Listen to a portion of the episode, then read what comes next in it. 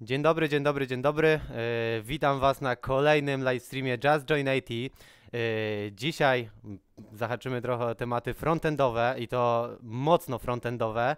E, niemniej zacznijmy może od e, rzeczy, od których trzeba zacząć. E, chciałem Was przywitać i też przywitać naszych gości. E, Dawida i Kacpra z firmy Synergy Codes. Cześć.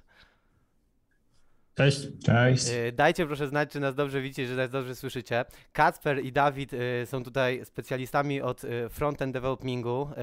Wiem też, że jeden z nich zajmuje się Reactem, drugi Angularem, więc będziemy mieli fantastyczne tutaj zderzenie tych dwóch. Jak się dowiedziałem przed livestreamem, nie frameworków, a, a właśnie pewnego rodzaju. mm, Tutaj chłopaki może bardziej rozwiną ten temat na swojej prezentacji.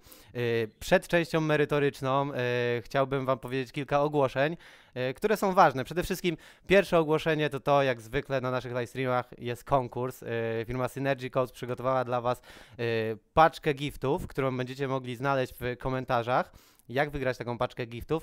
Po prostu być aktywnym w trakcie tego live'a. Y, Po pre- części prezentacyjnej będziemy mieli sesję Q&A, w ramach której przejdziemy przez wszystkie Wasze pytania i Dawid oraz Kacper subiektywnie wybiorą najlepsze z nich, najbardziej y, intrygujące, najciekawsze, całkowicie subiektywnie i nagrodzą je właśnie oto takim giftem, więc zachęcamy, o ty, y, zachęcamy do aktywności, do tego, żeby zadawać y, te pytania w komentarzach. Część prezentacyjna będzie trwała około 50-55 minut, potem przejdziemy na część Q&A, także y, pamiętajcie, że wszystkie, wszystkie wasze pytania zapisujemy i na końcu je y, zadamy. Mm, słuchajcie, jeszcze jedna ważna sprawa. Mm, Jak widzicie, mamy tutaj fantastycznych deweloperów y, właśnie z firmy Synergy Code. Jeżeli chcielibyście y, mieć okazję współpracować z takimi fantastycznymi ludźmi, to sprawdźcie oferty pracy, jakie właśnie Synergy Codes ma na Just Join IT. Znajdziecie link w komentarzach na Facebooku i na YouTubie. Y, Także ja już chyba dużo czasu antenowego zabrałem chłopakom, a chłopaki mają dużo mięsa przed sobą, żeby przedstawić, więc nie będę już tutaj e, tłem. Panowie, mm, scena wasza, widzimy się na sesji Q&A. Powodzenia, widzowie. Wszystkiego dobrego, widzimy się później. Cześć. Super, e, dziękujemy bardzo. To jeszcze raz tutaj Dawid, ten Tutaj bardziej Kacper, angularowy. Ten bardziej reaktowy. Tak, i przez e, najbliższe kilkadziesiąt minut e, wspólnie przejdziemy przez e, różnice i podobieństwa Angulara i Reacta, a na koniec spróbujemy odpowiedzieć na pytanie, kiedy Angular i React są śrubokrętem, a kiedy wkrętarką. Zaczniemy od wyjaśnienia tej metafory. Tak, generalnie myślą przewodnim jest to, że każdy problem możemy rozwiązać na wiele sposobów. I tak, takiego gwoździa można wbić młotkiem, można wbić śrubokrętem, można wbić również maszynką CNC. Yy, Kwestia jest tego, że wiele dróg, wiele dróg prowadzi do jednego celu, tylko że z, z tym, że niektóre są wygodniejsze, niektóre tańsze, niektóre szybsze. No i wiadomo, że taką śrubkę możemy wkręcić po prostu śrubokrętem, tak samo możemy wkręcić i- wkrętarką. Yy, Jednakże wiadomo, że wkrętarką pójdzie szybciej, ale to nie znaczy, że to zawsze tak będzie, no bo w krętarce się może rozładować akumulator albo coś innego się nią stać. Więc generalnie tak, mamy szerokie spektrum, y, dobieramy zawsze narzędzie do problemu i nie inaczej jest też właśnie w IT. E, Tak, na koniec przejdziemy też e, przez parę takich kategorii problemów i spróbujemy na pytanie właśnie w kontekście tych konkretnych e, kategorii odpowiedzieć. Zachęcamy też w sumie do umieszczania w komentarzach na czacie jakichś waszych może problemów, może złych decyzji, może dobrych, czy właśnie no, po prostu jakichś problemów, które, e, w których musieliście wybrać e, technologię. A teraz e, zaczniemy od części wspólnych, więc Najwa- naj- Najważniejszą taką wspólną cechą Angulara i Reacta jest to, jaki problem rozwiązują. Otóż jest to problem zbyt wolnych aplikacji frontendowych. Odpowiedzią na to są aplikacje typu SPA, czyli Single Page Application. Obie te technologie są zorientowane na tworzenie komponentów, na dzielenie logiki na jakieś mniejsze porcje, które są e, możliwe do użycia e, w wielu różnych miejscach. E, Bardzo podobny jest też proces wdrożenia. Wszystko, jakby wrzucamy jeden, jeden plik indeks HTML, strona się ładuje, cała nawigacja, wszystko dzieje się później po stronie JavaScriptu już u klienta w przeglądarce. I ogólnie rzecz biorąc jest podobny też zakres funkcjonalności, który jest dostępny w całym ekosystemie obu tych technologii. E, Obie wspierają po- podobne rzeczy, mają y, routing, zarządzanie stanem, tego typu sprawy, jeszcze przez nie przejdziemy później. Także z grubsza robią dokładnie to samo w praktycznie taki sam sposób, ale pod spodem są jednak różnice. Tak. I przede wszystkim taką główną, kluczową różnicą jest to, że Angular jest frameworkiem. Co to oznacza? No to oznacza to, że jest takim kompleksowym rozwiązaniem, który jest jednym ekosystemem i właśnie ma te wszystkie wspomniane wcześniej routingi, e, jakieś lazy loadingi i tak dalej. E, w przypadku Reacta działa to troszeczkę inaczej, ponieważ to jest biblioteka, więc sam React zajmuje się generalnie budowaniem komponentów UI. I generalnie takie rzeczy jak zarządzanie stanem czy lazy loading zazwyczaj używamy z zewnętrznych y, dostawców, chociaż w przypadku lazy loadingu już React akurat wprowadzał to ostatnio. No ale na przykład routing, właśnie zarządzanie stanem i takie rzeczy to, to już są zewnętrzne, zewnętrzni dostawcy. I kolejne z takich istotnych e, różnic to no przede wszystkim poziom wykorzystania e, TypeScripta no w całym tym ekosystemie. Mianowicie Angular jest napisany w TypeScriptie, domyślnie tworząc projekty też no, pisze się w TypeScriptie. Większość e, bibliotek dookoła albo jest też napisana w TypeScriptie, albo chociaż ma jakieś typy dodane. No w Reactie nie ma aż tak mocnego wsparcia. Domyślnie jest JavaScript, można sobie pisać typy, no ale jakby ten domyślny punkt wyjścia jest inny. Można też jasne TypeScripta dodać do reaktowego projektu. To oczywiście. E, inne jest również podejście do tworzenia e, szablonów. E, w Reactie mamy do czynienia z JSX-em czy TSX-em, jeżeli właśnie tego TypeScripta dodamy, a w Angularze tworzymy osobno template'y HTML, które są po prostu wzbogacone o jakieś dyrektywy, czy ogólnie dodatkowe rzeczy, które Angular wnosi. Inny jest też flow komunikacji między komponentami. W Reactie wszystko schodzi w dół przez propsy, natomiast w Angularze mamy inputy, które są odpowiednikiem tych propsów, rzeczy schodzą w dół, ale mamy też outputy, czyli mm, eventy emitowane od dzieci do komponentów e, rodziców. Inny jest też model zarządzania domem. Kiedyś Angular działał bezpośrednio na prawdziwym domie, to było kosztowne, zajmowało dużo czasu, działało średnio. Obecnie jest incremental dom, a w, w Reactie od początku jest virtual dom. Tutaj też ciut więcej, e, pod ciut więcej informacji możemy odesłać do pierwszego odcinka Synergy Cafe. No i też taka jedna rzecz, którą postanowiliśmy tu wpisać, to dependency injection. To jest jedna z tych, jedna z tych funkcjonalności, której Angular jako e, framework dostarcza i ma ona ważny wpływ na to, jak tworzy się e, aplikacje. Jest to takie e, bardziej obiektowe, jest trochę inny flow właśnie zarządzania wszystkim, przez to, że to wstrzykiwanie zależności jest dostępne out of the box w Angularze. No w Reactie tego nie ma tak od razu. No i teraz możemy przejść do przykładów takich podstawowych przypadków użycia. E, tak, czyli idąc, e, zaczynając od Reacta, e, mamy, mamy teraz interpolację i deklarację komponentów. Jak to wygląda? Zacząłbym od tej deklaracji, to jest na górze drugi listing w Reactie. Czyli tak, mamy funkcyjkę, ważne, żeby ona była z wielkiej litery, ponieważ wtedy React wie o tym, że to jest komponent reaktowy i rozróżnia to od innych komponentów właśnie HTML-owych. E, w środku ta funkcja, ta funkcja po prostu zwraca JSX-a i możemy to poznać po tym, że mamy class name jako atrybut w divie, ponieważ to jest, przez ten class name możemy po prostu nadawać klasy w Reakcie. E, jest import e, CSS-ów i to się z tym wiąże, z tym, że mamy tutaj app title. Po prostu to jest klasa właśnie wyciągnięta z tego CSS-a. No i renderujemy sobie jakiś, jakiś content. Jeśli chodzi o samą interpolację, no kwestia jest w miarę prosta. Tutaj korzystamy z, z wyrażeń w JavaScriptie co oznacza, że po prostu ten name zwraca nam name, zwraca nam jakąś wartość i po prostu dajemy ją w nawiasiki e, wąsiki, tak? Wąsiki, Dokładnie, tak. tak. No i w Angularze interpolacja działa dokładnie tak samo, no ok, z dokładnością do liczby wąsów, w Angularze mamy dwa, e, a jak chodzi o deklarację komponentu, to tutaj już widać rzecz, która jest zdecydowanie inna, mianowicie ten dekorator, dekorator komponent. Ogólnie w Angularze dekoratorów używa się no, wszędzie do deklarowania czy komponentów, jakichś pipe'ów, modułów, dyrektyw. No i w środku są jakieś e, metadane, czyli pierwsze co tu mamy selektor, to jest to, po czym e, później używa się tego komponentu. E, no i mamy też ścieżki do plików z template'em i stylami. Obie te rzeczy można wrzucić bezpośrednio w te metadane, no ale zazwyczaj konwencja jest no, tego typu. To, co jest też kluczowe, to to, że taki komponent, żeby móc go użyć, trzeba go zarejestrować w jakimś module. To jest taki też no, dodatkowy boilerplate, którego w Reakcie w ogóle nie ma. Tak, i oprócz tego, że ten boilerplate, ja bym jeszcze zauważył, że tutaj generalnie widać pewne podejście e, obiektowe i takie funkcyjne, nie? że zobacz, tu już masz jakieś strzykiwanie, takie rzeczy, a tak. w Reakcie masz po prostu funkcyjka, używasz jej i tyle. I komponent gotowy. Dokładnie, tak. E, przechodząc dalej, e, mamy wyświetlanie warunkowe oraz wyświetlanie listy elementów. Lista elementów, zacznę od tego, jest to ten pierwszy listek na górze. Jak to wygląda? No po prostu korzystamy z funkcji map znanej z JavaScriptu. Mamy jakiś, jakiś obiekt, a w sumie to array tutaj w tym przypadku. E, możemy po nim przeiterować, e, zwracając po prostu jakiś reaktowy komponencik, jakiegoś JSX-a. E, co jest istotne tutaj, to to, że mamy atrybut key. I ten atrybut key pomaga Reaktowi po prostu rozpoznać, który komponent aktualnie się zmienił, więc to jest taka kwestia też optymalizacyjna tutaj. Jeśli chodzi o renderowanie warunkowe, to tutaj znowu korzystamy z naszego znanego JavaScriptu. Mamy tutaj ternary operator, to jest ten drugi listing i generalnie jeśli name istnieje, no to możemy po prostu go wyświetlić w jakimś JSX-ie. No jeśli go nie ma, no to wyświetlamy jakiś zastępczy komponent, tak? Po prostu ternary operator, wrażenie JavaScriptowe. Tak, a w przypadku e, Angulara po lewej mamy właśnie e, ng4, po prawej ngIFa, obie, obie te dyrektywy są dyrektywami strukturalnymi, czyli tam chodzi o to, że wpływają właśnie na to, jak ten dom na końcu będzie e, wyglądał. I też, tak jak Kasper wspomniał o tym key, które służy też do optymalizacji takich list, no to tak samo w ng4 możemy też podać taki parametr jak trackby, tam się podaje funkcję i to służy w zasadzie do dokładnie tego samego.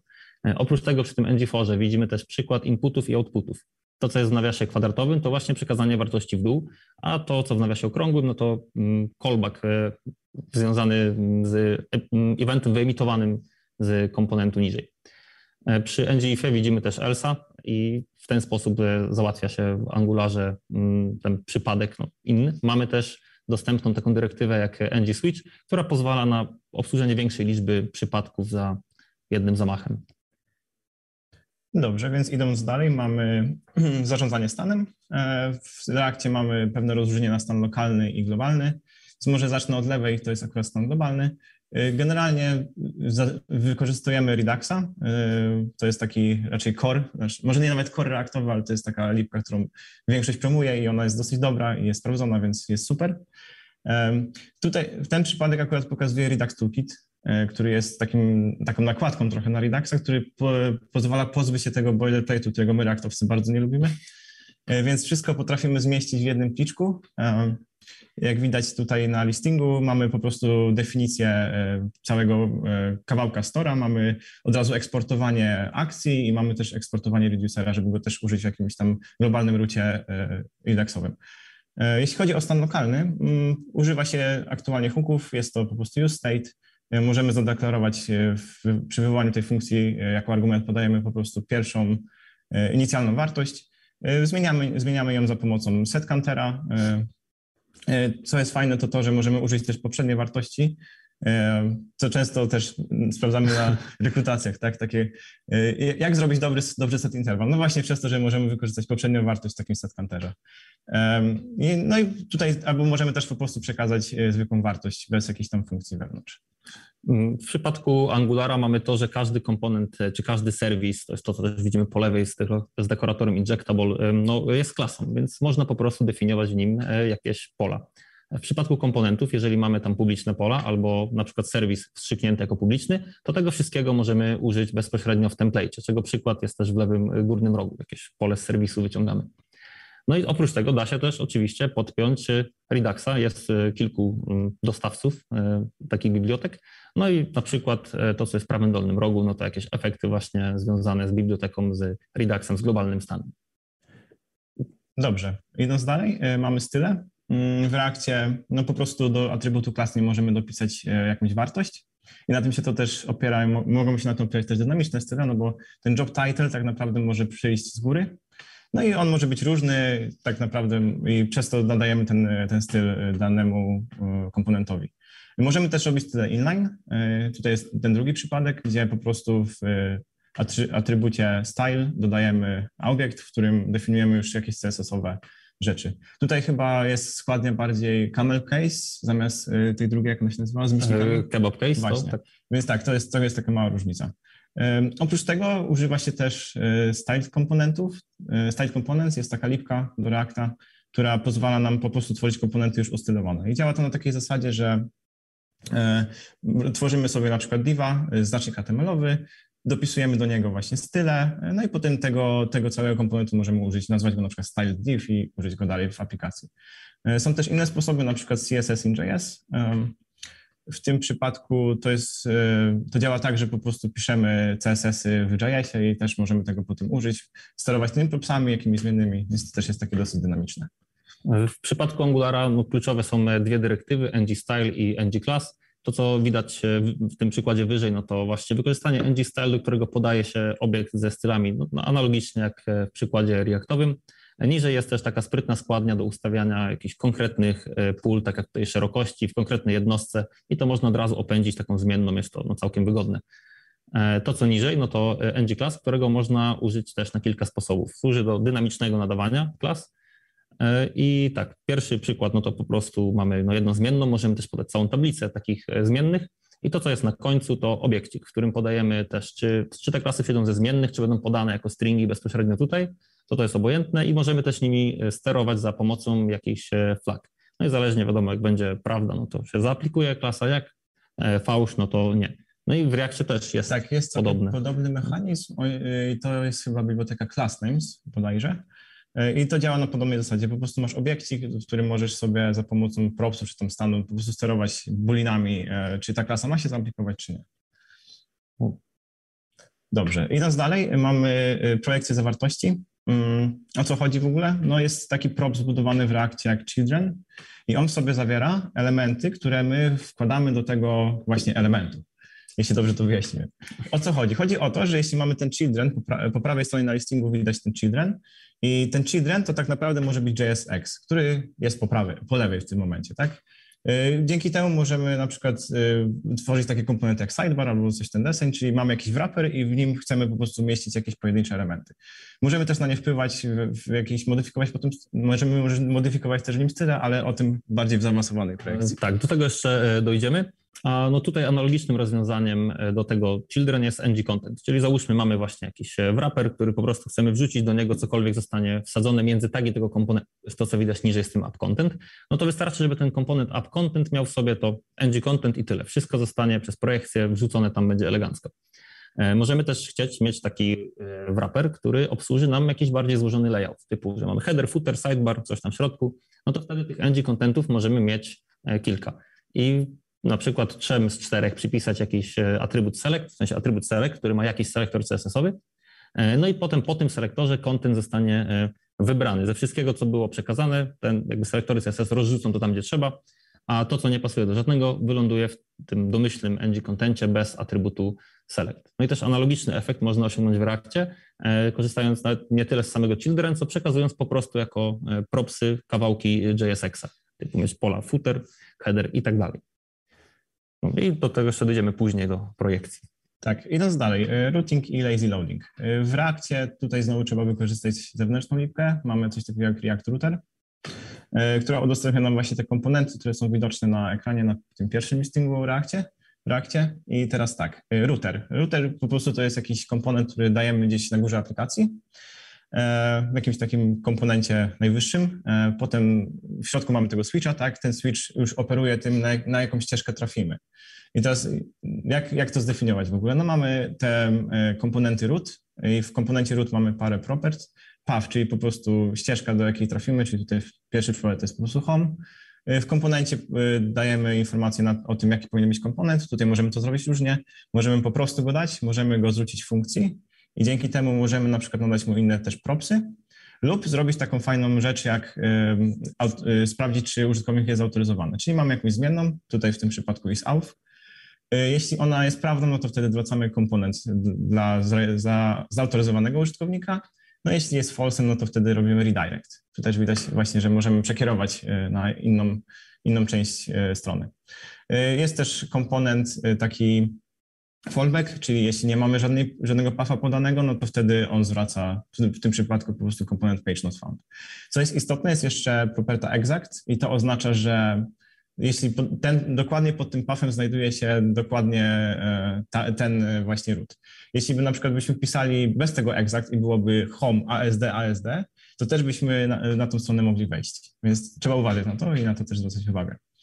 Jeśli chodzi o lazy loading, y, ostatnio React wprowadził właśnie, mamy wbudowany mechanizm do lazy loadingu, y, który jest względnie prosty, ponieważ y, no, używamy tego React Lazy zwracamy po prostu import i to jest import asynchroniczny. I React też wymaga od nas tego, żeby użyć komponentu suspense na tym komponencie. Dzięki temu możemy wyświetlić jakiś komponent zastępczy w momencie, kiedy ten się będzie właśnie ładował leniwie. I przy Angularze zacznijmy od dwóch e, listingów e, na górze po lewej. No i to jest deklaracja routing. Od razu widać, że jest zupełnie inaczej niż w Reakcie, gdzie w Reakcie cała ta deklaracja jest zamknięta wewnątrz komponentu. A tutaj deklarujemy po prostu ścieżki, w sensie takie obiekty, które zawierają ścieżkę, jaki komponent ma się wyrenderować, no i gitara. Już jest w sumie zrobione. Podajemy to do inicjalizacji modułu i komponenty, odpowiednie komponenty pojawią się w miejscu, w którym podaliśmy ten router outlet, widoczny wyżej, no i w sumie będzie zrobione.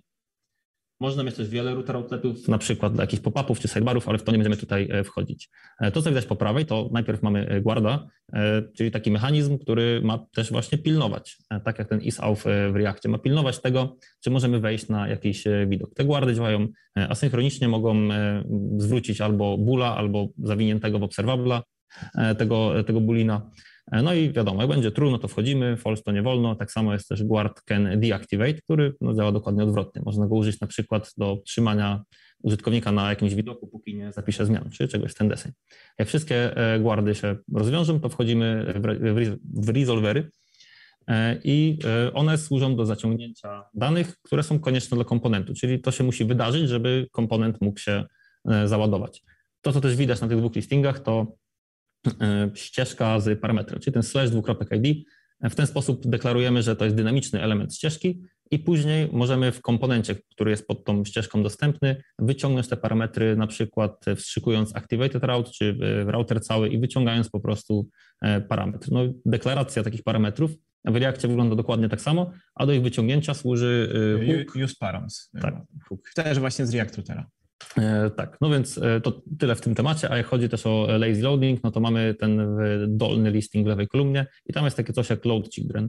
E, no i mając taki zapis, to ta, ta cała, ten cały moduł, który jest pod tą ścieżką, zostanie spakowany jako osobny bundle i załadowany dopiero w momencie, gdy ktoś wejdzie na daną ścieżkę. I możemy przejść dalej. Tak, cykl życia komponentów. Jak to wygląda w Reakcie? Może inaczej, jak to wyglądało wcześniej w Reakcie? No, wyglądało to trochę gorzej, bo było sporo różnych rzeczy związanych z klasami jeszcze, gdzie były rzeczy typu did mount, did update, will unmount i tak dalej. Y, generalnie teraz taką bardziej wspieraną metodą i w ogóle, jak podchodzi się do Reacta, to się raczej używa hooków i pisze się po prostu funkcyjnie. I jedną z takich funkcji, którą udostępnia nam React, jeden z takich hooków jest use effect. I on spełnia w sumie te trzy role, trzy ważne role, czyli montuje, y, albo inaczej, może opowiem tak po kolei, co się w ogóle dzieje. E, więc będzie tak. E, use effect. On się wywoła w momencie, kiedy komponent się zamontuje. E, tutaj widać na pierwszym listingu po lewej, że mamy pustą tablicę zależności. W tym konsologu jest child init właśnie dlatego, że ten komponent, znaczy ten hook wywoła się tylko na starcie. I to jest dokładnie to samo, co engine co init. Engine on init, dokładnie, tak, w Angularze. Kwestia jest taka, że to zwraca, zwraca też funkcję i to, co, ta zwrotka tej funkcji wydarzy się w momencie, kiedy komponent się odmontuje i to jest to samo, co jest on destroy w Angularze. Tak jest. Drugi przypadek to jest wtedy, kiedy chcemy reagować na jakieś zmiany, ten po prawej use effect z tablicy zależności, ten drugi argument to jest counter. I w momencie, kiedy ten counter ulegnie zmianie, y, po prostu wywołuje się to, to, co jest w use efekcie. I to jest, nie, tutaj akurat nie ma analogii, ale jeśli byśmy nie mieli tego, tej tablicy zależności w ogóle, czyli nie, że jest pusta, tylko że jej w ogóle nie ma, no to takim, y, to, to znaczy, że to się będzie wywoływać za każdym razem, jak coś się zmieni w komponencie, czy jakoś się po prostu przerenderuje. I do tego już jest analogia, bo jest bodajże ng on changes. E, tak jest, e, dokładnie. ng on changes wywołuje się przy każdej zmianie w inputach, no i dostaje właśnie ten e, argument changes, cały ten, ten obiekt. No jak chcemy mieć taki e, przykład jak z tym counterem w useEffectie, no to musimy po prostu ręcznie sprawdzić, czy w tym obiekcie zmian w komponencie ogólnie pojawił się teraz, czy była zmiana w counterze. No jeśli tak, obsługujemy to manualnie. E, no ale tak, no analogia taka e, występuje. No wszystkie, wszystkie te lifecycle hooki w Angularze mają swój interfejs. Komponent musi zaimplementować ten interfejs, żeby to było brane pod uwagę, żeby Angular wiedział, że ma te hooki odpalać. E, no i co jest jeszcze istotne, to kolejność odpalania tego wszystkiego, czyli jak mamy jakieś tam drzewko, jest parent, jakieś dzieci, no to e, w Angularze najpierw leci parent init, e, child init, a jak z kolei się niszczą, no to w drugą stronę od dołu, od dziecka i na koniec niszczy się dopiero najwyższy komponent. I czy teraz, czy w Reactie działa to tak samo? Działa to odwrotnie, z tego co sprawdzaliśmy jeszcze przed, ale może jakaś mądra głowa też napisze na czasie. Bo... E, dobrze, no to tym w sumie zamykamy omówienie takich podstawowych e, przypadków użycia i przechodzimy do typowych problemów e, w aplikacjach. No i pierwszym takim problemem, który prędzej czy później, a zazwyczaj prędzej pojawia się, no to problemy z wydajnością po prostu. I tutaj trzeba by było porozmawiać o tym, jak działa w ogóle wykrywanie, wykrywanie zmian. Więc w Angularze mamy mm, mechanizm, który przy, na etapie kompilacji nadpisuje też metody, natywne metody przeglądarki, te metody odpowiedzialne za obsługę eventów, takich jak click czy mouseover, czy rzeczy tego typu, metody związane z obsługą zapytań HTTP, czy set interval, set timeout. No i gdzieś tam wszędzie jest wstawiony jakiś kod odpowiedzialny za wykrywanie zmian i renderowanie widoków przez Angulara. I Angular też buduje sobie drzewo takich część detektorów. Jakby część detektor per komponent jest generowany na etapie kompilacji i one wyglądają w ten sposób, że są dopasowane, mm, są zoptymalizowane pod to, co w tym komponencie jest wyświetlane. Czyli jeżeli nawet komponent ma 5 pól, ale w template używamy tylko jednego, to ten część detektor do tego komponentu będzie patrzył tylko na to jedno konkretne pole i umie też reagować na jakieś um, zagnieżdżone pola w obiektach, jeśli na przykład wyświetlamy jakiś user first name. E, czy coś takiego, no to zmiany tego first name'a też będą brane e, pod uwagę. No i tak generalnie będzie działała ta domyślna strategia wykrywania zmian. E, co jest tutaj też ważne, to no, teoretycznie możemy używając lifecycle hooków zmienić coś w komponencie, który już został sprawdzony. I dlatego, żeby uniknąć wynikających z tego problemów, w trybie deweloperskim zawsze ta pełna pętla sprawdzenia wszystkich część detektorów przechodzi dwa razy. Wtedy wyskakuje taki znany i lubiany błąd, tam expression change after it was checked, czy, czy coś tego typu. E, no, no i w trybie produkcyjnym to już przechodzi e, tylko, e, tylko raz. I część detektor można też wstrzyknąć do dowolnego komponentu i dostarczą wtedy kilku przydatnych metod, takich jak wymuszenie wykrywania zmian przez detect changes, jakieś mark for check, można też się odpiąć, odpiąć cały komponent z drzewa wykrywania zmian, co może być przydatne, jeśli mamy dużo obliczeń do wykonania, chociaż inna sprawa, czy one powinny być w komponencie. E, albo na przykład spływają nam dane cały czas, co kilka razy na sekundę, a chcemy zaktualizować widok tylko raz na 10 sekund. No to wtedy takie odpięcie też może się przydać. Z metod optymalizacji, no to na pewno pierwszym krokiem powinno być poszukanie komponentów, które mogą zmienić strategię wykrywania zmian na on-push. E, wtedy e, taki komponent będzie reagował tylko na przykład na zmianę referencji w inpucie, czy zmianę jakiejś wartości takiej zwykłej przekazywanej w dół. No i dopiero wtedy będzie w ogóle sprawdzał, co może z tym zrobić. Przydatne też e, może być używanie e, pure pipe'ów. E, to jest taki no, pipe, którym po prostu w metadanych wpisujemy, że tam pure true i musimy wtedy zadbać o to, żeby dla każdego danego wejścia było zawsze takie samo wyjście i nie było żadnych efektów ubocznych. Czyli w zasadzie po prostu zrobić pure function w rozumieniu programowania funkcyjnego. Dobrze, więc e, jak w ogóle działa wykrywanie zmian w reakcie? Mm, generalnie e, zmiana propsów lub stanów w reakcie powoduje to, że po prostu komponent się przerenderuje. I komponent się przerenderuje nie tylko sam, sam tylko przerenderuje też wszystkie dzieci pod spodem. E, w tym generalnie w momencie, kiedy jest ten render, to React sobie tworzy nowy virtual DOM, porównuje go z poprzednim E, tworzy model zmian, no i generalnie naj, ten model zmian jest jak najmniejszy, żeby jak najmniej poruszyć ten real DOM. Właśnie idea jest taka, że operacje na prawdziwym domie no, są dosyć kosztowne, więc React sobie sam stara stworzyć ten model zmian i dopiero jak, jak najmniej zmienić w tym prawdziwym domie. E, więc to jest jakby taka idea idąca za Reactem, jak w ogóle, żeby on działał w miarę szybko. No ale e, przez to, że te propsy i stan się może zmieniać dosyć często, no to dochodzimy do takiego problemu, że mamy nadmierne rendery. I teraz jak w ogóle sobie z tym radzić? E, no jest parę metod optymalizacyjnych. E, mamy na przykład useMemo, e, które właśnie, tak jak mówiłeś o tych ciężkich obliczeniach w, w Angularze, to useMemo może pomóc przy tym, bo zakładając, że mamy na przykład jakieś pure function, czyli jak mamy na, na, na to samo wejście, będziemy mieli zawsze mhm. ten sam, to samo wyjście, tak? Jeśli mamy taki przypadek, no to możemy zrobić tak, że jeśli nasze e, dane wejściowe się nie zmienią, no to nie będziemy wykonywać tej funkcji. Przez to zaoszczędzimy ten czas na kalkulacjach, więc do tego generalnie służy useMemo. UseCallback działa dość podobnie, tylko on po prostu nie tworzy, zamiast e, tworzy, zwracać jakąś wartość, to on po prostu zwraca funkcję. No i tutaj też e, jest coś podobnego, czyli mamy jakieś e, zależności. Jeśli te zależności nie ulegną zmianie, no to nie stworzymy na nowo, nie potrzebujemy tej funkcji. Jest też React Mimo, e, który polega na tym, że i nie, nie umylmy go z UseMemo, bo to jest coś innego.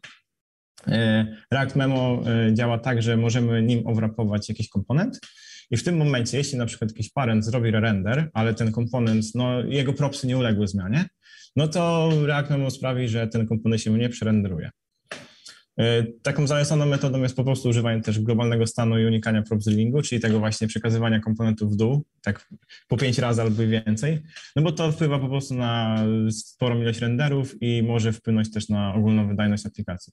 Więc Redux jest fajny, e, dlatego też, że on jest dosyć e, sprytny, jeśli chodzi o jakieś wykrywanie zmian, ponieważ jeśli na przykład zwracamy jakiś nowy, nowy stan w reakcie, bo reakt jest niemutowalny, warto, warto to zaznaczyć. Redux. Redux jest niemutowalny, tak. Dokładnie tak. Jest niemutowalny, więc zwracamy nowy stan. E, jeśli na przykład ta zmienna nie uległa zmianie, jakiś tam boolean, no to React, y, React już nie przerenderuje wtedy, jeśli, jeśli po prostu korzysta z tego Redux. Tak, no i co do jeszcze tak ogólnie e, wydajności, to myślę, że tu możemy też po raz pierwszy odesłać do naszego artykułu na Jarzen IT, tam troszeczkę jest też o tym napisane. No dobra, a teraz możemy też przejść do drugiego z takich typowych problemów, E, czyli obsługi wielu języków. To jest też coś, co takie zwłaszcza projekty bardziej długofalowe, jakieś produkty, tego typu rzeczy, w którymś momencie może ugryźć, że przyjdzie biznes i mówi, że no dobra, fajnie było, że tam sobie tylko w Polsce robiliśmy, teraz wchodzimy na rynek niemiecki, francuski, albo jeszcze lepiej na rynek arabski i trzeba zrobić wszystko right to left, te języki obsłużyć, no i wtedy e, no, może być e, jazda. No i takie rozwiązania, których dostarcza Angular, no to pierwsze co biblioteka Localize. Działa w ten sposób, że dodajemy do poszczególnych tagów, czy nawet jakichś atrybutów typu placeholder w inpucie, e, takie, mm, taki atrybut w sumie też e, i 18n, no i później magiczny skrypcik wygeneruje nam, e, łapiąc te tagi, no takie XML zawierające tam source i target, no i trzeba tylko dostarczyć tłumaczenia. No i konfiguracja tych języków jest w Angular JSON. Drugim takim znanym, często używanym podejściem jest ngx translate, no i tam z kolei nie opieramy się na XML-ach, tylko na JSON-ach. I używamy kluczy translacyjnych w całej aplikacji i te klucze są tworzone na podstawie struktury tego JSON-a z językiem. Czyli na przykład jak mamy jakiś obiekt na wierzchu, potem jakieś pole w głębi, w głębi to łączymy te klucze e, po kropkach i w ten sposób tworzy się klucz translacyjny, e, który możemy później podać czy do Translate Pipe'a, czy do Translate Serwisu, czy do takiej też dyrektywy Translate, no i we wszystkich tych przypadkach możemy też podać jakieś parametry. Te translacje mogą być parametryzowane e, i wszystko będzie działać na podstawie tych e, kluczy. Sama zmiana języka jest obsłużona przez wywołanie jakiejś metody po prostu w Translate Service, który oczywiście można sobie wstrzyknąć no, w dowolne miejsce, w którym potrzeba. Są też inne biblioteki, na przykład e, jedną z nich jest i18 Next, tu tak, przejdziemy. I 18 Next jest takim tak głównym polecanym podejściem przez React, dlatego, znaczy głównym, no takim dosyć popularnym, dlatego, że sam core Reacta nie udostępnia rozwiązania, jeśli chodzi o translację. No i no już działa to w taki sposób, że mamy hooka, który możemy używać na jakichś różnych stringach. Mamy funkcję po prostu, tak? Używamy na jakichś stringach, przez to generujemy jakby te, ten cały obiekt y, w translacji. No i tak naprawdę problem potem polega na tym, żeby w jakiś sposób dostać te, dostarczać te, te tłumaczenia z zewnętrznego serwisu. E, akurat sam React 18 Next wspiera coś takiego jak Localize, bodajże się nazywa to. I to jest takie localization as a service i polega to na tym, że można to fajnie spiąć ze sobą, nawet tak poza, poza w ogóle kodem, tylko tak bardziej w aplikacji graficznej, jaką oni udostępniają gdzie w ogóle tam jest obsługa już na przykład automatycznych tłumaczeń. Wiadomo, że one nie będą idealne, no ale zawsze to jest jakieś takie wsparcie, jakby nagle właśnie wyszło, że ok, musimy, musimy wspierać 10 języków, no nie? czy więcej. Um, problem jest taki, że w Reakcie nie mamy tego właśnie kora, nie mamy nic w korze i e, może być problem z zewnętrznymi bibliotekami. E, tutaj wchodzi taka, taki feature, znaczy feature. Możemy to po prostu obsłużyć przez proxy, czyli wpiąć się właśnie w w same, mm, w samą, w sam core jak, jakieś lipki, no ale to już jest, wtedy rośnie dosyć mocno ta ilość pracy, jaką to trzeba włożyć. Jeśli natomiast chodzi o wsparcie right to left, y, to w Material UI jest do tego dosyć fajny tutorial, jak to zrobić. Nie ma tam za dużo kroków i w większości przypadków to powinno działać. Ja nie wiem, jak to było właśnie w Angularze. No prawdopodobnie w sumie tak samo, no bo to zależy bardziej od biblioteki tych UI komponentów, której używamy, czy jakiś mhm. material, undesign, czy coś, no prawdopodobnie większość z nich ma na to jakieś rozwiązanie, no bo jest to jednak w miarę popularny problem, tak myślę. E, dobrze, także kolejnym takim problemem, który e, w którymś momencie przychodzi, zwłaszcza też przy tych e, dłuższych projektach, jest no, podbijanie zależności jeżeli rozwijamy projekt przez dwa lata czy trzy, no to wtedy już e, warto by było aktualizować się i to obojętne, czy robimy Angulara, Reacta, Vue, czy coś innego. No i jak chodzi o Angulara, no to większość kluczowych paczek jest dostarczana po prostu no, przez twórców Zangular, przez, przez Google'a. No i wszystko jest update'owane w mm, pakiecie, jakby idzie, idzie to hurtem. Do tego dostarczony jest no, całkiem elegancki tutorial. Wklepujemy sobie wersję, którą mamy, wersję, którą chcemy mieć. Jeśli robimy przeskoki systematycznie o jedną, to zazwyczaj kroków jest mało i przynajmniej część z nich jest opędzona w ogóle automatycznie e, przez e, Angular CLI, gdzieś tam przy jakichś update'ach. E, no więc jest to stosunkowo wygodne, do tego znane są daty release'ów z wyprzedzeniem, wiemy kiedy mają wejść jakieś kluczowe zmiany. Więc no, pod tym kątem raczej nie ma jakichś strasznych problemów. No, może były ciut większe przy przejściu z ósemki na dziewiątkę, wtedy właśnie Ivy wchodził jako domyślny kompilator. No i tych expression change, after it was check było no, trochę więcej niż y, zwykle. Można się było tym zmęczyć. Jak chodzi o jakieś pozostałe kluczowe zależności, no to na pewno RxJS, na pewno jak ktoś ma monorepo, no to y, NX-owe y, biblioteki, czy może jakieś inne od monorepo. Na pewno biblioteki do testów, E, właśnie biblioteki komponentów już wspomniane, no i jakieś biblioteki do zarządzania stanem. E, jeśli chodzi natomiast o Reacta, no to przy wersji aktualnej 3.17 nie było większych zmian, więc tak naprawdę było to dosyć płynne. E, chociaż znalazł, znalazł się taki problem jak właśnie biblioteka Enzym, która służy do testowania i tam się rozwinęła taka dosyć nieprzyjemna dyskusja na GitHubie, jak ostatnio o tym czytałem, że właśnie nie, chcieli, nie, nie zaktualizowali tej, tej lipki, do 17, żeby była kompatybilna. E, potem e, jeden z takich, zrobiono po prostu forka tego, e, który nie był oficjalny, więc też twórcy nie chcieli się na niego zgodzić, no i tam była różna dyskusja. No ale ostatecznie, jako to, że to jest React i mamy sporo różnych alternatyw, bo mamy sporą społeczność do tego, więc jest tak naprawdę też React Testing Library, który też może nam służyć do testów.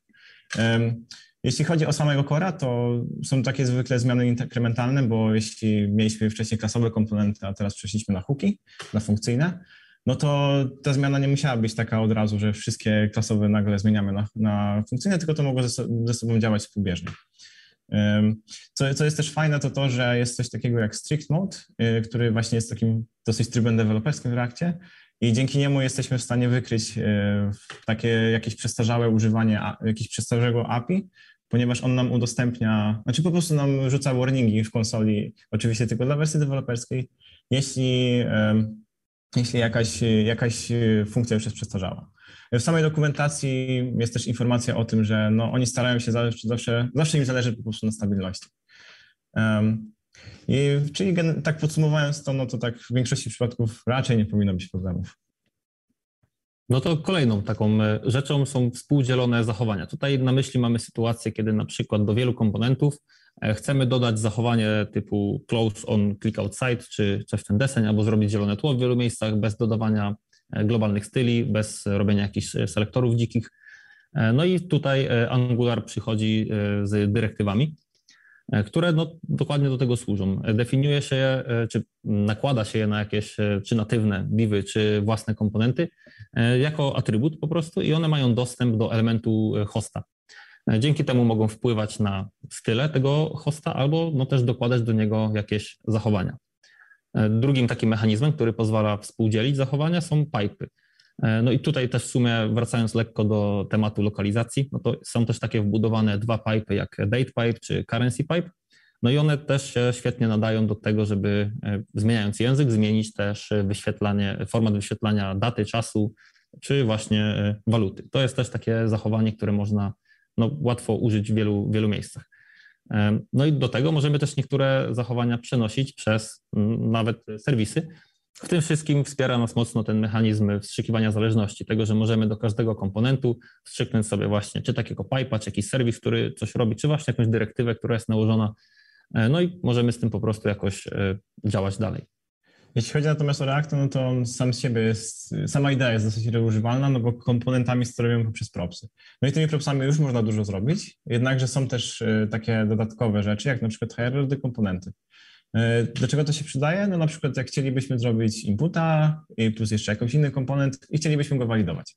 No to to jest całkiem fajny przypadek, ponieważ możemy w samym tym komponencie walidacji umieścić jakąś logikę do walidacji, e, możemy tam przetrzymywać stan e, na przykład jakichś errorów, jakie erory nam wyskoczą, jakieś wiadomości, ile jest tych errorów. No i ten komponent byłby takim high-order komponentem, który jeszcze na przykład potrafi wyświetlić jakieś informacje, czyli na przykład jakiś czerwony znak, czerwona informacja o tym, że no ok, masz tutaj błędy, proszę to poprawić. No i to też działa na takiej zasadzie, że po prostu jakby przekazujemy kolejne propsy do tego komponentu. Mamy coś takiego też jak kontekst. Kontekst działa na takiej zasadzie, że e, mamy jakiś taki ogólny wrapper i po prostu ten wrapper nam udostępnia jakieś funkcje, dzięki którym możemy zmieniać stan tego kontekstu. Raczej kontekst używa się w kontekście globalnych rzeczy, e, ponieważ e, tam takim głównym zastosowaniem jest na przykład chociażby zmiana języku, że po prostu używamy takiego, po prostu używamy go do zmiany języku, albo na przykład zmiany styli w całej aplikacji, czyli jakiś taki film, powiedzmy jeden kolor filmu, zmieniamy na drugi i wszędzie nam się zmieni to. Mm, są też, oprócz tego, co tu, jest, co wymieniłem, są na przykład też, można pisać reużywalne hooki customowe, jak na przykład jakiś use debounce, use throttle, albo to, co ostatnio pisałem w projekcie, to na przykład use delayed component, który polegał na tym, że żeby uniknąć czegoś takiego, że mamy spinner, który się wyświetla przez 100 milisekund, no to możemy opóźnić, opóźnić wyświetlanie tego spinnera, czyli on się pojawi dopiero po jakimś czasie. To jest nawet zgodne z jakimiś design guideline'ami, także, także tak. I takie spóźnione zachowanie można po prostu reużyć w mhm. komponentach. E, no to kolejna taka e, kwestia, która e, gdzieś się pojawia w tych projektach, no to nazwaliśmy to zaawansowaną projekcją. Tutaj już spieszę z przykładem.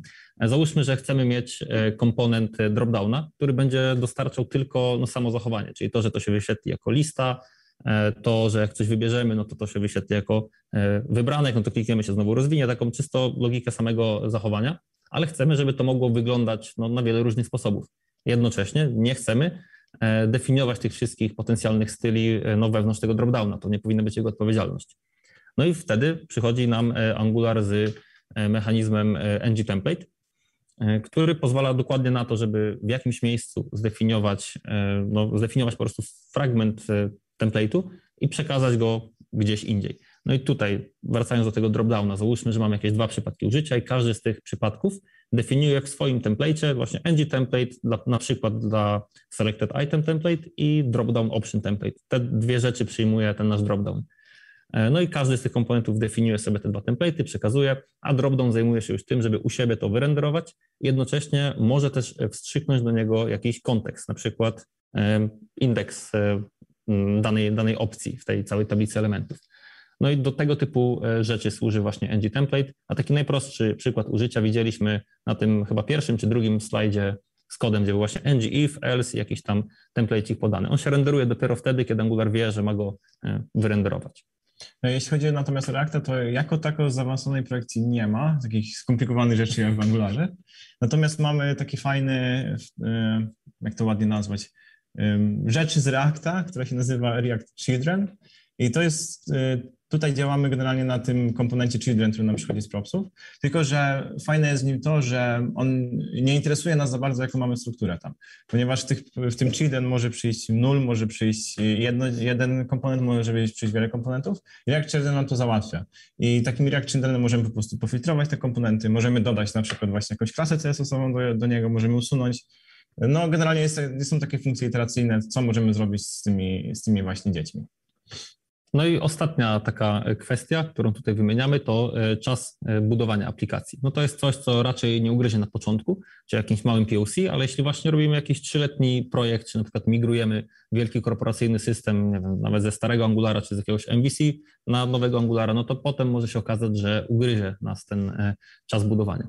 I tutaj co możemy z tym zrobić?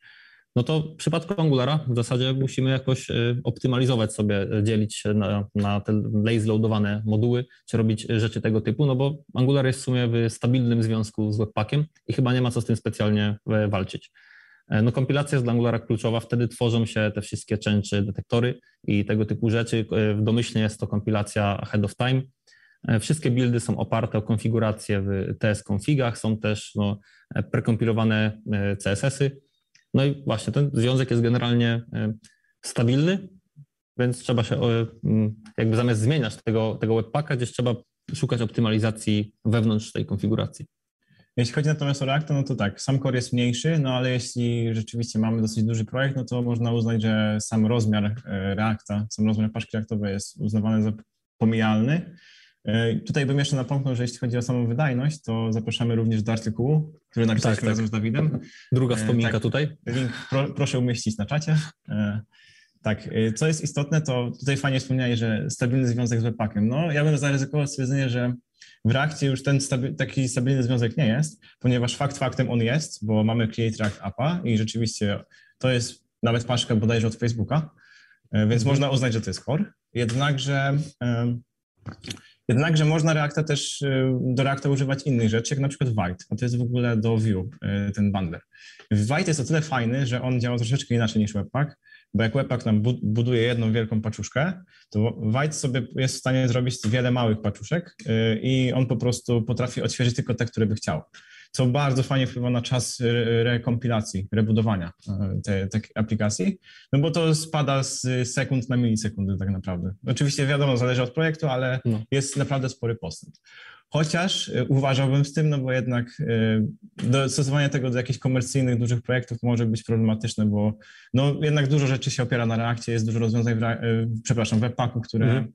Które są po prostu uznawane za takie potrzebne i albo na przykład przy jakichś takich bardziej skomplikowanych przypadkach, no jednak w webpacku to jest, a w takim wajcie może nie być i nagle mamy problem. Tak, no to, Więc... jest bardziej dojrzałe przede wszystkim. Dokładnie tak. Dłużej no, już w obiegu. Dokładnie. I, I to już jest piąta wersja teraz webpacka bodajże. Tak, nie? tak, to też. No. Także no troch, trochę już mamy doświadczenie. No dobra, no to tym kończymy też tą taką sekcję no, częstych problemów. No i przejdziemy do pytań, które my sobie zadajemy, wybierając technologię do naszego projektu. No i takie na początek pierwsze pytania, które musimy sobie zadać, no to to, czy nasz zespół zna już Angulara albo Reacta. No bo też tak naprawdę, jeżeli już znają, a trzeba zrobić coś szybko, no to warto wykorzystać to, w czym jesteśmy dobrzy. Tutaj wchodzi potem drugie pytanie, bo jeżeli projekt jest wewnętrzny, to może właśnie wręcz przeciwnie, może chcemy się czegoś nauczyć. No dla przykładu my też teraz wewnętrznie robimy jedną aplikację we Vue i to jest dla nas pierwszy w sumie kontakt chyba z tą technologią. Tak, no jak mamy właśnie projekt kliencki, no to zazwyczaj raczej chcemy to zrobić szybko w tym, w czym jesteśmy no, dobrzy. Ważne też jest to, czy klient ma jakąś swoją bibliotekę komponentów, no bo nie chcemy mieć jakiegoś problemu później z kompatybilnością. Jeżeli oni mają w Reakcie, to w sumie chyba nie chcemy się za bardzo pchać w to, żeby robić jakiegoś Angulara, potem przyjdzie nam to pożenić i też będzie jakiś problem. Patrzymy też na to, czy projekt jest długofalowy, czy może bardziej jakieś POC, no to też wpływa pod tym kątem, że możemy wybrać na długofalowy projekt raczej coś, na przykład, co znamy lepiej. A na przykład na takie POC możemy wybrać coś, co no, chcemy się jeszcze troszeczkę poduczyć, albo no, wręcz przeciwnie, właśnie to, co tam znamy lepiej, wykorzystać szybko, albo może w ogóle Reacta zawsze, no bo jest, ma mniejszy boilerplate, więc tego typu pytania zawsze sobie na pewno zadajemy na początku.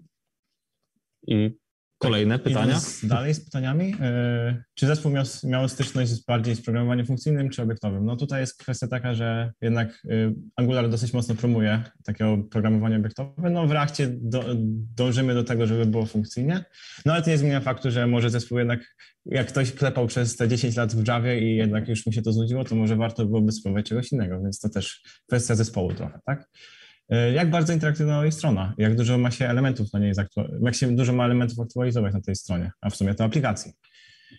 No to też jest taka kwestia, że Angular sam z siebie wspiera już RxJS-a, jest w takim, można powiedzieć, że jest w korze? no można, można, można powiedzieć jak tak. najbardziej. Znowu z drugiej strony, no React, jak się dużo rzeczy zmienia, to przez Virtual DOM potrafi sobie czasem lepiej poradzić, więc to też jest taka kwestia, trzeba dokładnie, tak, analiza biznesowa to jest to, co tutaj też wchodzi tak, to jest pod, pod uwagę, tak? Tak, no i taką kolejną kwestią, którą patrzymy jest to, czy na przykład w zespole mają być jacyś deweloperzy z backendowym backgroundem. To jest też to, o czym Kasper przed chwilą wspomniał, czyli no, ciężko oczekiwać od Java deweloperów z dziesięcioletnim stażem, że wejdą w reaktowy projekt i się będą świetnie bawić. Prawdopodobnie może, to ich, może im się to nie do końca podobać. Jednak Angular jest bardziej ustrukturyzowany, ma właśnie to wstrzykiwanie zależności, ma jakieś dekoratory, tak wygląda, tak no, no bliżej tego, co znają i lubią więc może być im łatwiej w to wejść. No z drugiej strony mamy na przykład kogoś w zespole może, kto dopiero co wchodzi w programowanie, w świat IT i robi to właśnie poprzez frontend, no i też jemu z kolei ten cały boilerplate, mm, całe te w ogóle obiektowe koncepty e, mogą być na początku stosunkowo trudne do wejścia i może wtedy e, warto się skierować bardziej do Reacta, no bo ci bardziej doświadczeni ludzie i tak sobie z tym w jakimś stopniu poradzą. E, kolejną kwestią jest to, czy zespół woli swobodę wyboru architektury, czy trzymanie się gotowych rozwiązań. I to jest ciekawa kwestia, ponieważ tutaj się rzuca pewna, pewne skłanianie w stronę Reacta, czy inaczej, jeśli mamy wybrać architekturę, to chcielibyśmy Reacta. No ale z drugiej strony Angular też próbuje rozwiązać ten problem na wiele różnych sposobów, w sensie różne problemy na wiele różnych sposobów, tak? Więc też tak nie do końca jest. Faktem jest to, że React pod, y, generalnie przez to, że ma wielu do, różnych dostawców z zewnątrz, możemy sobie naprawdę tą architekturę zrobić jak tylko chcemy. Możemy nawet wywalić TypeScripta, czego nie polecam osobiście, ale możemy. To nie jest wcale obowiązkowe. No ale tak, jest też taka kwestia właśnie wyboru tej architektury. E, no tak, przy Angularze owszem można e, te podstawowe rzeczy robić też w inny sposób, tylko zazwyczaj nie warto się po prostu z tym męczyć. W sensie mm. są dostarczone mechanizmy i faktycznie zespoły się raczej trzymają. Jak ktoś tego. mówi, jak działa, to po co zmieniać? Tak, tak jest. E, tak, no i taka ostatnia kwestia, myślę, że tutaj najmniej ważna, no to to, czy e, będzie nasza aplikacja, czy będzie używana na e, urządzeniach e, mobilnych.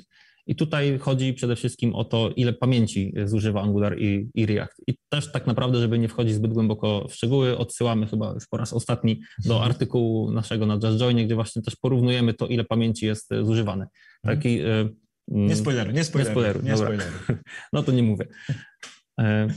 Tak, no i na koniec przejdziemy sobie przez kilka tych przypadków biznesowych.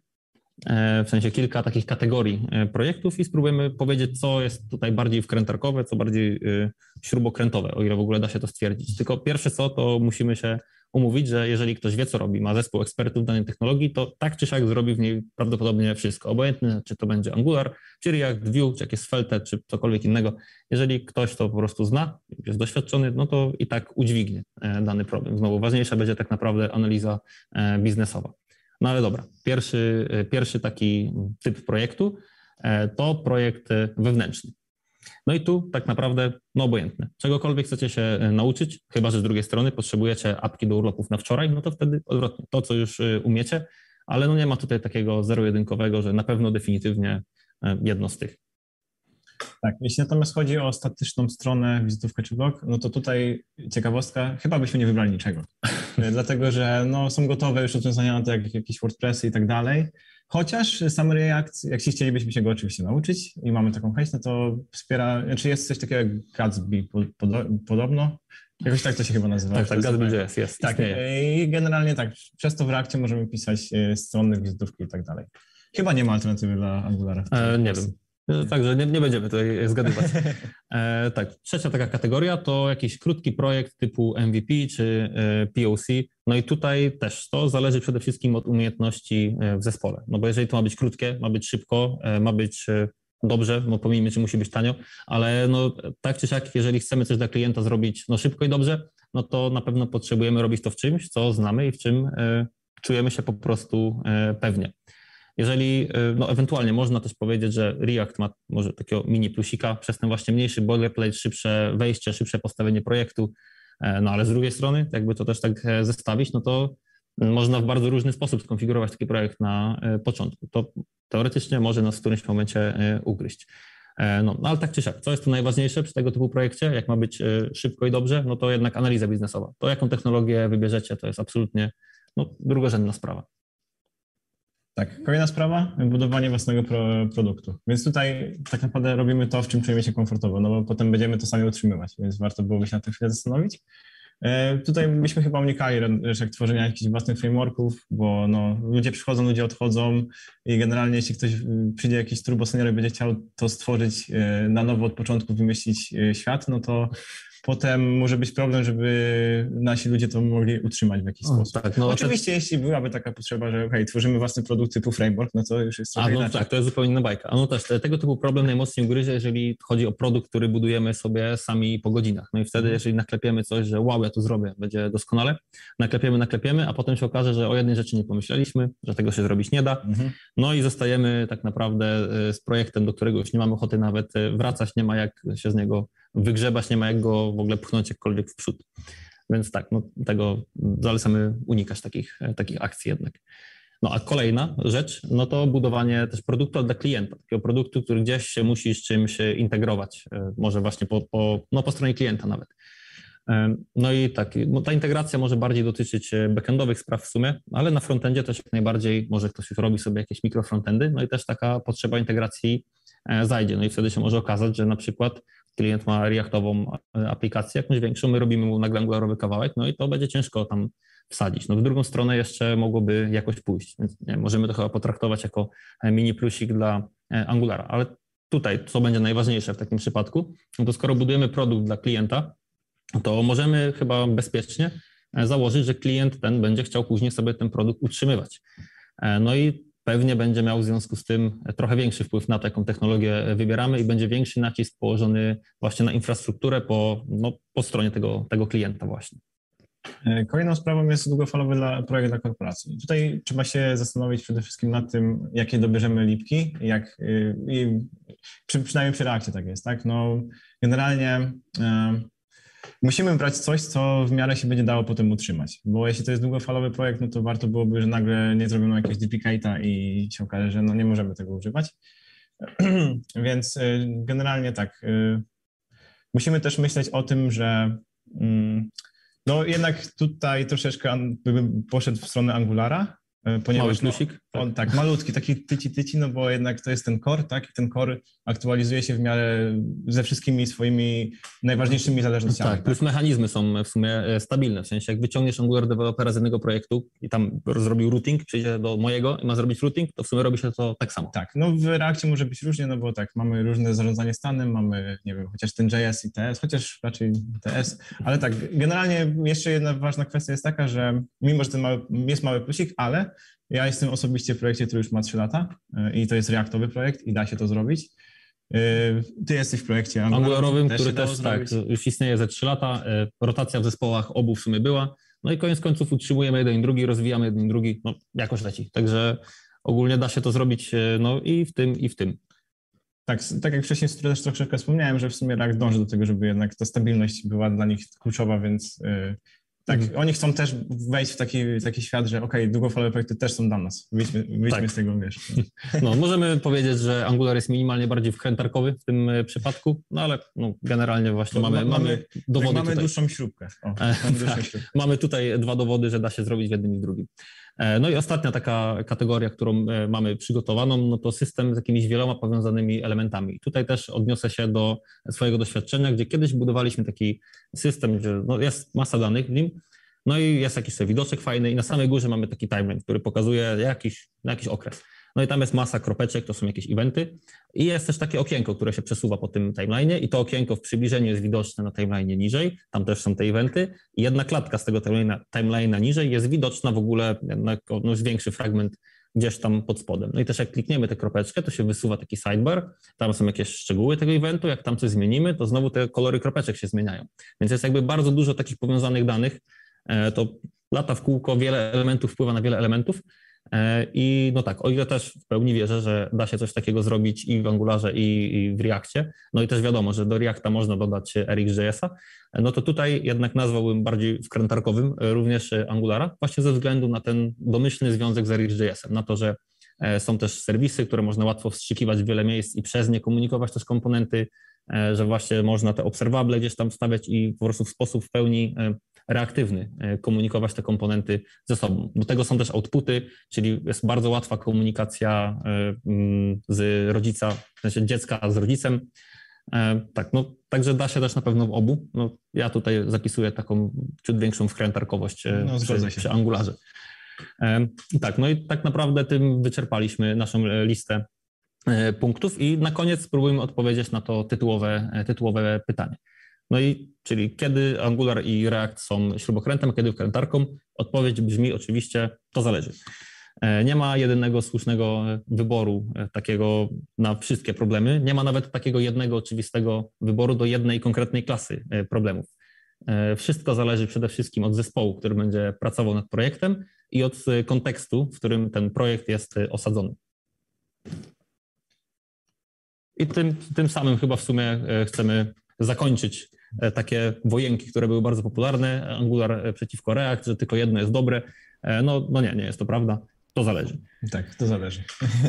tak, no i co? Teraz chyba już czekamy na pytania. jasne. Tak, dziękuję E, bardzo za uwagę. Dzięki, dzięki. Czym nie widać, czym nie słychać? Witam. Operatorka, czym nie widać, czym nie słychać? Widać mnie i słychać. Yy, dziękuję Wam za tą prezentację. Yy, podoba mi się puenta, uwielbiam puenty, które mówią to zależy, ale nic lepiej nie potwierdza tej puenty, to to, że yy, w komentarzach nam tutaj rozgorzała niesamowita dyskusja właśnie a propos różnych zależności, różnych rozwiązań, za co bardzo Wam dziękuję. To pokazuje, że ten temat jest naprawdę dyskusjogenny, tak jak lubię o tym mówić. Niemniej poza tą dyskusją pojawiło się też wiele pytań do Was, panowie. Także myślę, że nic, tylko je zaczniemy zadawać, co? Co o tym myślicie? Jesteśmy Jasne. gotowi? Jak najbardziej, lecimy. Super, to zaczniemy od pytania od Adama. Cześć. Cześć Adam. Jak oceniacie próg wejścia do React i odpowiednio do Angulara? Przeglądając oferty pracy, częściej spotykam się z ofertami dla React. Na studiach uczę się C Sharpa i słyszałem, że Angular dobrze z nim współgra i przy jego znajomości próg wejścia jest niższy. No tutaj od- odpowiedź dawaj. znowu brzmi chyba to zależy, ponieważ tak, e, rzeczywiście próg wejścia można określić dla Reacta jako mniejszy, bo nauczenie się tego, znaczy inaczej, można to robić tak fajnie inkrementalnie, bo możesz sobie zacząć na przykład od samego JavaScriptu, bo nie jest wcale wymuszony ten TypeScript, No nie jest. No. E, Jednakże biorąc pod uwagę Twoje doświadczenie właśnie w C-Sharpie, e, myślę, że Angular też by jak najbardziej dla, dla tego dla kolegi nam pasował. Tak, no właśnie to jest też to, o czym wspominaliśmy wcześniej, że generalnie jak ktoś ma backendowy background, tak jak tutaj jest mowa o jakimś doświadczeniu w C-Sharpie, no to ta obiektowość, właśnie to wstrzykiwanie zależności jest takie bardziej naturalne środowisko. Sama struktura projektu wygląda troszeczkę inaczej, nawet właśnie no, ta struktura folderów nawet wygląda ciut inaczej. No i może tak się okazać, że Angular będzie ciut przyjemniejszy, y, żeby wejść. Natomiast tak chyba ogólnie, jakbym musiał wybrać jedno na zasadzie, chcę się uczyć frontendu, co będzie łatwiejsze, nie patrząc na background, to też chyba bym powiedział, że, y, że React. Mhm. Spoko, dzięki. Yy, mam nadzieję, że to Adam odpowiedziało na Twoje pytanie. Teraz pytanie od Bartka. W jakich przypadkach używać T- y, czyli pewnie TypeScript w Reactie jako konieczność, a kiedy go nie używać? Plus performance Angulara VS Reacta, który będzie wydajniejszy w przypadku większych aplikacji. Czyli tutaj To dwie- już dwie chyba części. padło tam może w prezentacji, może to nie do końca wybrzmiało, ale tak, ja polecam zawsze TypeScripta używać, chyba że rzeczywiście dopiero wchodzisz w świat IT i jeszcze nie jesteś gotowy na wszystko naraz. Ale Dobra. jeśli chodzi o projekty, to jak najbardziej TypeScript się bardzo mocno przydaje. Mhm.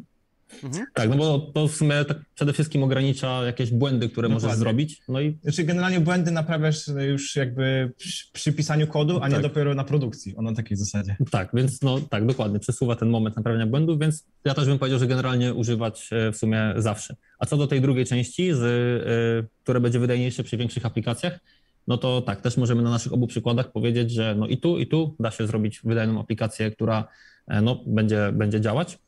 E, Obie, e, no, w obu da się też to zrobić źle, na przykład nie używając tych metod optymalizacji, więc taka jedna rzecz, co można bez, bezwzględnie stwierdzić, e, no to to, że Angular będzie cięższy. Że Tak, tam to na pewno. na 99% w Angularze będzie jednak ciut więcej ważyć ta aplikacja, ciut więcej będą ważyć bundle, więc siłą rzeczy będzie się ładować ciut wolniej. Ale chodzi o sam taki performance już przy odświeżaniu widoków i tak dalej, czy właśnie zużycie pamięci, no to to już i tu, i tu można zrąbać, i tu, i tu można zrobić dobrze. Ciężko tak stwierdzić. Super, e, dzięki. Adam wspomniał, widziałem w komentarzach, że odpowiedziało to jak najbardziej na jego pytanie, więc, więc cieszymy się Adam. Cieszymy bardzo. E, Pytanie od innego Adama tym razem. Kiedy warto zainwestować czas w naukę i implementację biblioteki do zarządzania stanem? Jakie są praktyczne przypadki ich wykorzystania? Nie miałem okazji pobawić się nim w Angularze, a po swojej zabawie w React mam wrażenie, że jest to przerost formy nad treścią. A jeśli nie potrafisz obyć bez Rudu- Reduxa MobExa, to znaczy, że błędnie projektujesz komponenty. Change my mind. No, dosyć ostra, dosyć ciekawa teza. E, dobra, to w takim razie przy, przypadki wykorzystania, bo to jest chyba istotne. E, to tak, e, masz sobie Reduxa i na przykład, generalnie tak, chodzi o zarządzanie stanem globalnym, to jest bardzo istotne, nie? No bo jeśli masz rzeczywiście jakieś lokalne rzeczy, typu zmiana kantera w przycisku, czy tam przycisk ci zmienia kantera obok, to, to nie ma sensu, no nie? Płacie zawsze w Reduxa. Redux jest do stanu globalnego. Więc jeśli na przykład klikasz jeden przycisk i zmienia ci się pięć różnych rzeczy na stronie, no to to już jest znak na to, że warto by takiego Reduxa wykorzystać. Um, tutaj padło coś takiego, że okay, przerost formy nad treścią. Um, no nie powiedziałbym, bo tutaj masz właśnie to fajne rozróżnienie, tak? Czyli wiesz, gdzie, wiesz generalnie, gdzie masz stan globalny, wiesz, gdzie masz ten stan taki w środku samego komponentu.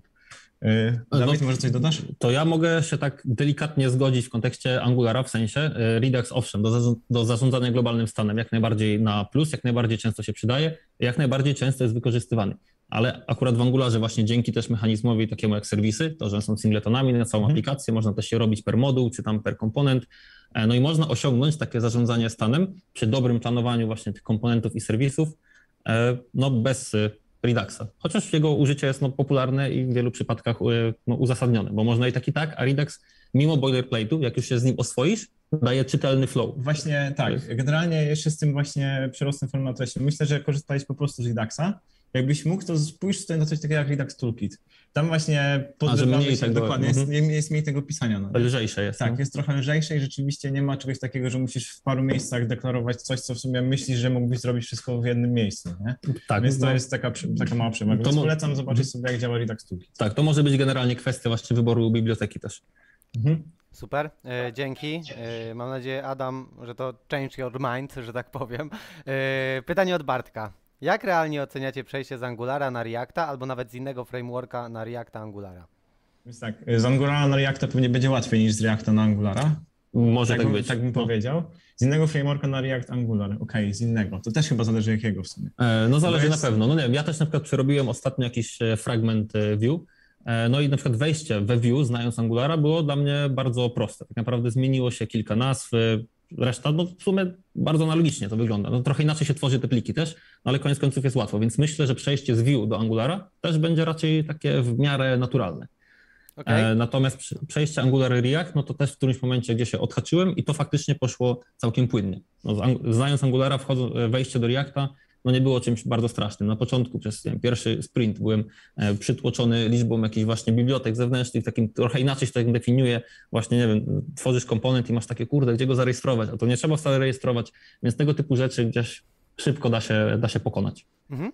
dobra, to zrobię follow-up do tego pytania. E, troszeczkę chronologię pokręcę, ale Tomasz zapytał, jak macie dowolność wyboru, to czy nie kusi was korzystać z czegoś innego niż React i Angular, na przykład Vue czy Svelte, które są jeszcze lżejsze i prostsze?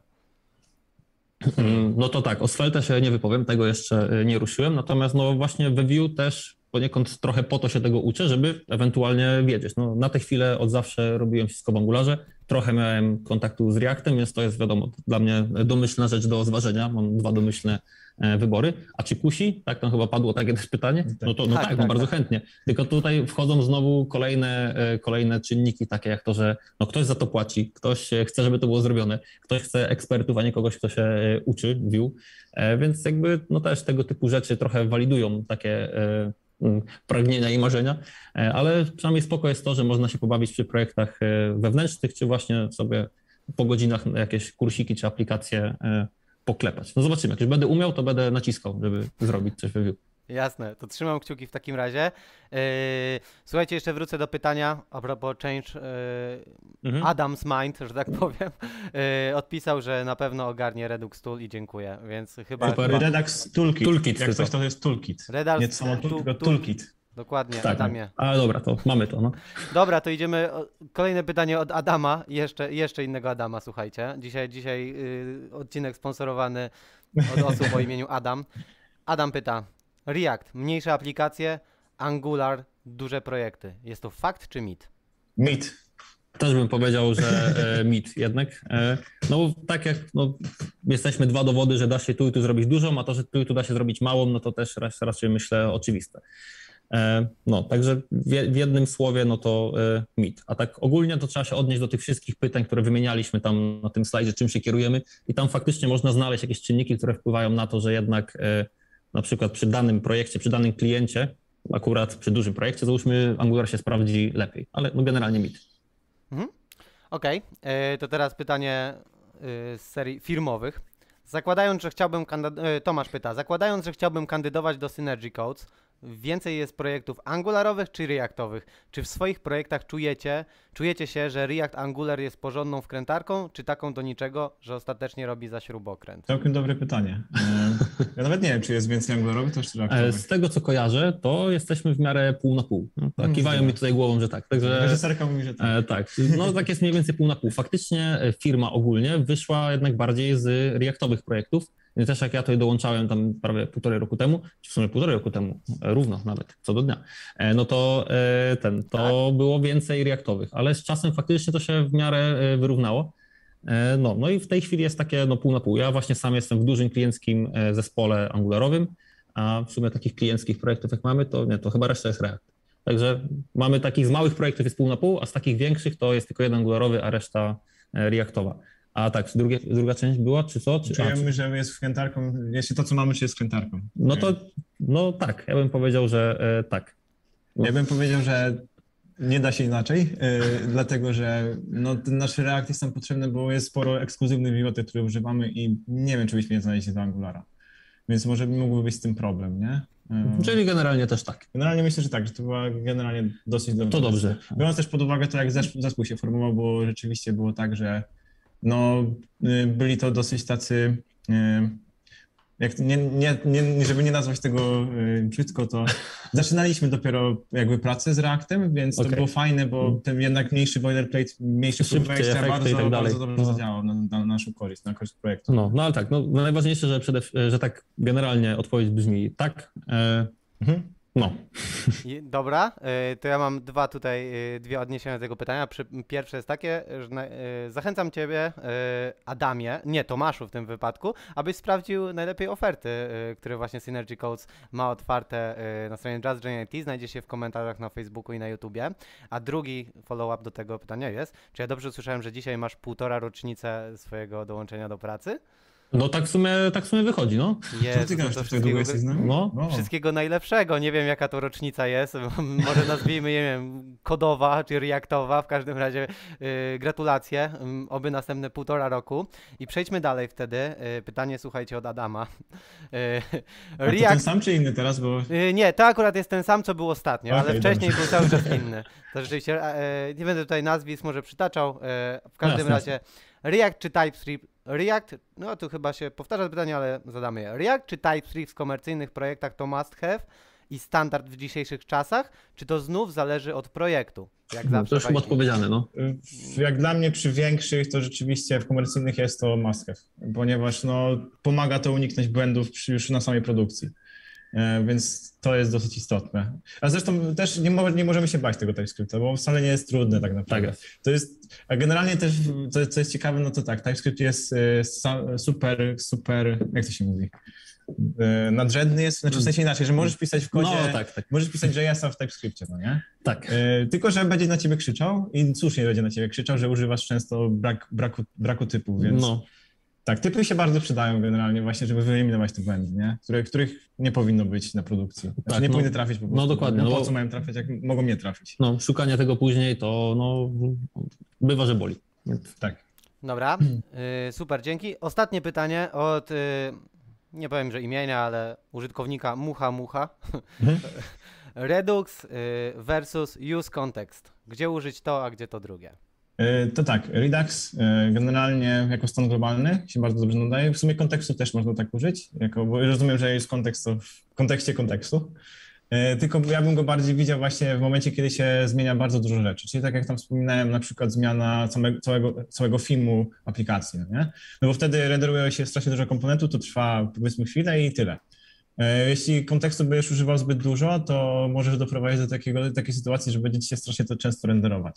Dlatego, że jak masz na przykład, jak zrobisz ten kontekst dosyć spory i będziesz używał tych metod z kontekstu, żeby zmienić stan w kontekście, to generalnie wszystkie komponenty, które używają kontekstu, będą ci się też renderować.